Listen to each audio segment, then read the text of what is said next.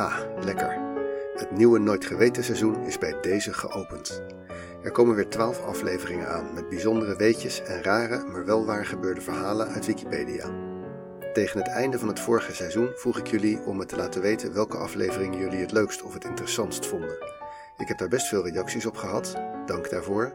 En het leek me leuk om daar een soort samenvatting van met jullie te delen. Maar dat viel me nog niet mee. De voorkeuren zijn eigenlijk heel divers. Sommigen houden meer van de geschiedenisonderwerpen, anderen meer van de hoek wetenschap. En een aantal mensen gaf aan juist de huistuin- en keukenonderwerpen over bijvoorbeeld neusgaten of papier steen schaar het leukst te vinden. Wat mij in ieder geval opvalt is dat mijn eigen voorkeuren niet zoveel zeggen over wat jullie het liefst horen. Een paar afleveringen die ik zelf wat zwakker vond, vonden sommige luisteraars juist toppers. Wel blijkt duidelijk dat jullie de diversiteit zelf waarderen.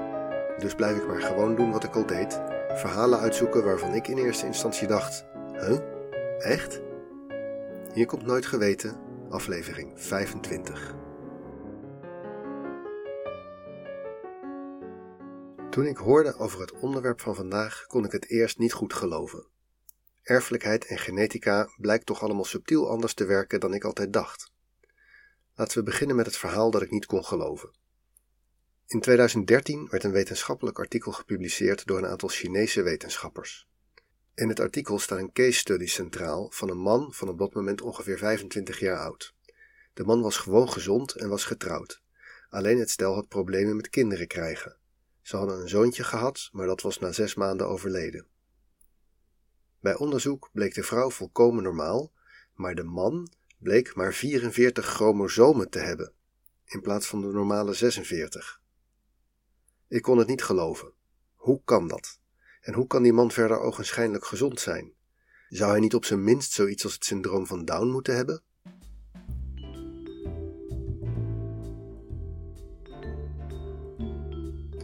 Hoe zit het ook alweer met die chromosomen? In elke cel van een mens zit het volledige genetische materiaal. En alles dubbel. Dus een mens heeft 23 verschillende chromosomen, waarvan elk twee. Dus in totaal 46 chromosomen. Ze zijn genummerd van 1 tot en met 22. En dan is er nog het speciaaltje van de X- en Y-chromosomen die bepalen of je een man of een vrouw bent. Die doen er in dit verhaal niet toe. Ze worden altijd genummerd van groot naar klein. Dus ons grootste chromosoom heet chromosoom 1. Van elk van die 23 chromosomen krijg je een kopie van je vader en een kopie van je moeder. En die combinatie bepaalt wie je genetisch gezien bent. Als bij je moeder een eicel werd gemaakt, werd één van de beide kopieën van chromosoom 1 gebruikt, één van beide kopieën van chromosoom 2, etc. Op die chromosomen staat beschreven hoe alle eiwitten van het lichaam moeten worden gemaakt. En die precieze mix van eiwitten bepaalt hoe je eruit ziet en geeft jouw familie die karakteristieke neus. Soms gaat het ook mis. Dan wordt er bijvoorbeeld een eicel gemaakt met allebei de kopieën van chromosoom 5, of juist helemaal geen chromosoom 5.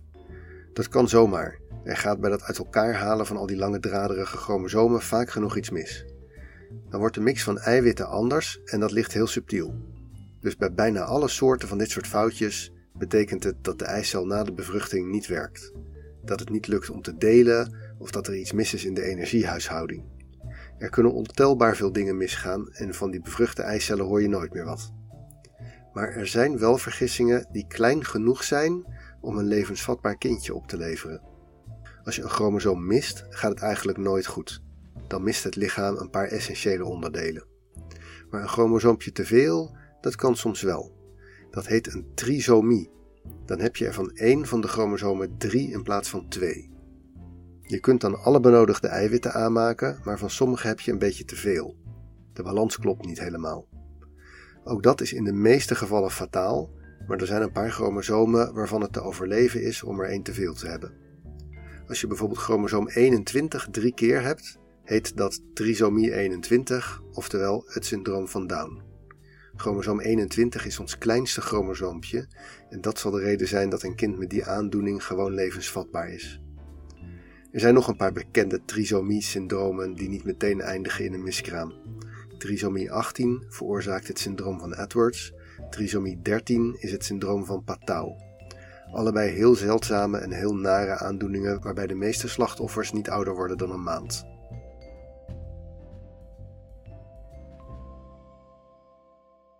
Als dat dan allemaal zo precies goed moet zijn, hoe is het dan in vredesnaam mogelijk dat die Chinese man van 25, met twee chromosomen minder dan de meeste mensen, dat die man gewoon gezond rondloopt?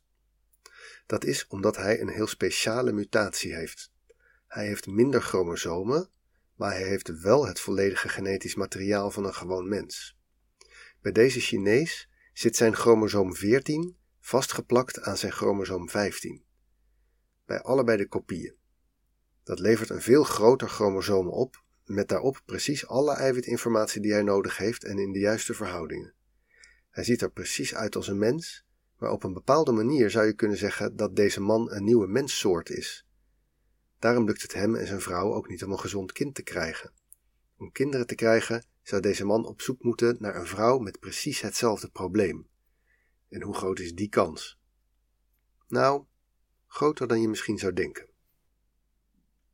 De genetische mutatie van de Chinees uit 2013 heet een Robertson-translocatie. Dan zitten dus twee verschillende chromosomen in de eicel of de zaadcel aan elkaar geplakt. Dat is minder zeldzaam dan je zou denken. Ongeveer 1 op de 1000 mensen heeft dat met één van de kopieën van één van zijn chromosomen. Meestal merk je daar dus weinig van. Als zo iemand zaad- of eicellen produceert, dan is de helft raar en daardoor steriel en de andere helft normaal. Maar als twee van die mensen een kind krijgen en ze hebben precies dezelfde Robertson-translocatie, dan kan je een kind krijgen zoals die Chinees, die dus helaas praktisch steriel is. Bij onderzoek bleek inderdaad dat de ouders van de man allebei drager waren van zijn Robertson-translocatie. Die vader en moeder waren neef en nicht van elkaar, en dat heeft er waarschijnlijk mee te maken. Inteelt maakt de kans groter dat een dergelijk defect van zowel vaders als moederskant bij elkaar komt. In dit geval heel zuur voor deze Chinees en zijn vrouw, maar er zijn aanwijzingen dat dit proces een cruciale rol speelt bij het ontstaan van soorten. Er zijn ook soorten die zich hier min of meer in specialiseren. De Indische muntjak bijvoorbeeld. Muntjaks zijn een soort kleine hertjes, ongeveer een meter hoog. Ze klinken ongeveer zo. En daarom heten ze ook wel het blaffend hert. De Indische muntjak is de meest succesvolle soort muntjak. Ze komen voor in heel Zuidoost-Azië, in de bossen van Thailand, Laos en Vietnam, op Java, Sumatra en Borneo, in Bangladesh, Sri Lanka en een flink deel van India. De Indische muntjak is niet bedreigd. Het gaat eigenlijk wel lekker met de Indische muntjak. Er is wel iets raars met hem. Ze hebben heel weinig chromosomen.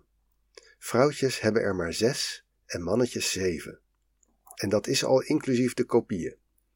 Waar mensen dus 2 x 23 chromosomen hebben, hebben vrouwtjes muntjaks er 2 x 3. Dat is echt heel weinig, zeker voor een zoogdier. Een nabij familielid van de Indische muntjak is de Chinese muntjak. Die leeft wat verder naar het noorden, blaft net zo, maar heeft 2 x 23, dus 46 chromosomen, net als wij. Als je het totale genetisch materiaal van de Indische en de Chinese muntjaks naast elkaar legt, blijken ze bijna dezelfde genen en dus dezelfde eiwitten te hebben, alleen heel anders verdeeld over hun chromosomen. De Chinese muntjak heeft 23 kleine chromosomen, de Indische heeft drie heel grote. Het lijkt erop dat de voorouders van beide soorten genetisch het meest leken op de Chinese soort. De Indische heeft daarna dus een groot aantal Robertson-translocaties ondergaan, waardoor het aantal chromosomen steeds kleiner werd. Het is niet helemaal duidelijk wat het voordeel zou kunnen zijn van het hebben van minder chromosomen. Wat wel zeker is, is dat zo'n translocatie een belangrijke rol kan spelen bij het ontstaan van soorten. Zoals bijvoorbeeld de mens.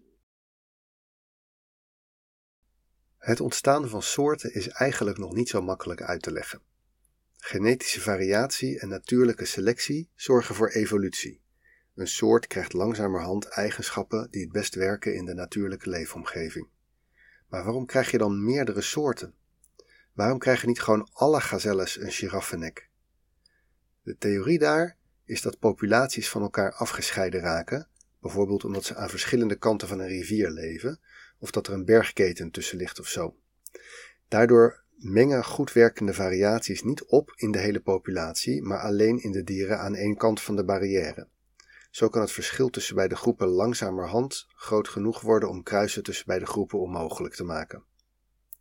Maar er is dus nog een manier om een soort in twee niet onderling voortplantende soorten te splitsen. De gebalanceerde translocatie, waarbij het genetisch materiaal hetzelfde blijft, maar anders verdeeld over de chromosomen. En daarvoor heb je geen fysieke barrière nodig, maar eerder het omgekeerde: inteelt. Het lijkt erop dat in de recente geschiedenis van de mens ook zoiets is gebeurd.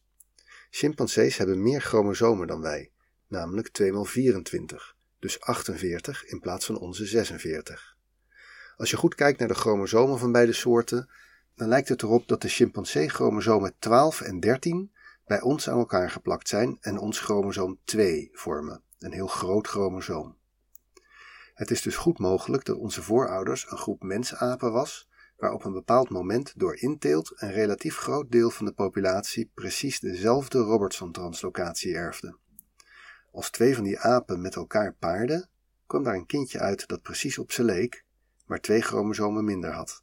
Net als de Chinees uit het begin van deze aflevering. Als twee van dat soort kinderen met elkaar paarden, kregen ze gezonde kinderen met dezelfde chromosomale indeling. Plotseling heb je eigenlijk twee soorten die niet meer met elkaar onderling kunnen kruisen. Toch is de kans niet heel groot dat dit bij de mens nog een keer gebeurt. We hebben niet zoveel inteelt meer. De meeste mensen kiezen hun partners uit een veel grotere groep dan vroeger. Tel maar even mee. 1 op de duizend mensen heeft zo'n translocatie in zijn of haar genen. Daar zie je niets van. Als twee van die mensen een kind krijgen, is de kans 1 op 4 dat hun kind de beide gehusselde kopieën krijgt. Maar dan moeten die ouders dus wel precies dezelfde translocatie hebben. Want je kan 23 chromosomen op heel veel verschillende manieren aan elkaar plakken. En als dat dan gebeurt, dan zie je dus nog steeds niets aan dat kind. Het is een gewoon gezond kind, behalve dat het, net als de Chinese patiënt, geen gezonde kinderen kan krijgen met bijna alle andere mensen. De kans dat twee van dat soort gevallen dan per ongeluk elkaar tegenkomen en een kind krijgen, die is erg klein. Nee, de kans dat in onze huidige samenleving door toeval nog een keer zo'n mutatie gebeurt en dat we dus twee niet onderling kruisende menssoorten zouden krijgen, die kans is extreem klein. Voor dit soort soortvorming is langdurige inteelt wel een voorwaarde. Dit was aflevering 25 van Nooit Geweten. Het onderwerp van deze aflevering werd me aangereikt door Jan Jongboom, waarvoor dank. De oplossing van de fotopuzzel was de pagina Chromosoom. Vijf luisteraars wisten de puzzel op te lossen voordat ik dit opnam. Felicitaties aan Ingrid, Jaap en José die nummer 1, 2 en 3 waren. Voor de rest deze week een nieuwe kans. Nooit Geweten wordt gemaakt door mijzelf, Teun Duinstee, en is een hommage aan Wikipedia. De meeste informatie die je hebt gehoord komt daar vandaan. Dank aan iedereen die daaraan heeft bijgedragen. De muziek die je hoorde is gemaakt door Kevin MacLeod. In de show notes vind je links naar een aantal artikelen op Wikipedia en ook wat wetenschappelijke publicaties over het onderwerp. En natuurlijk een Wikipedia fotopuzzel waarmee je kan uitpuzzelen waar de volgende aflevering over gaat. Bedankt voor het luisteren en als je deze podcast fijn vindt om naar te luisteren, schrijf dan even een positieve beoordeling waarin je uitlegt wat voor mensen deze podcast zullen waarderen. Kijk even in je podcast-app of waar je ook luistert of dat daar kan. Heel erg bedankt.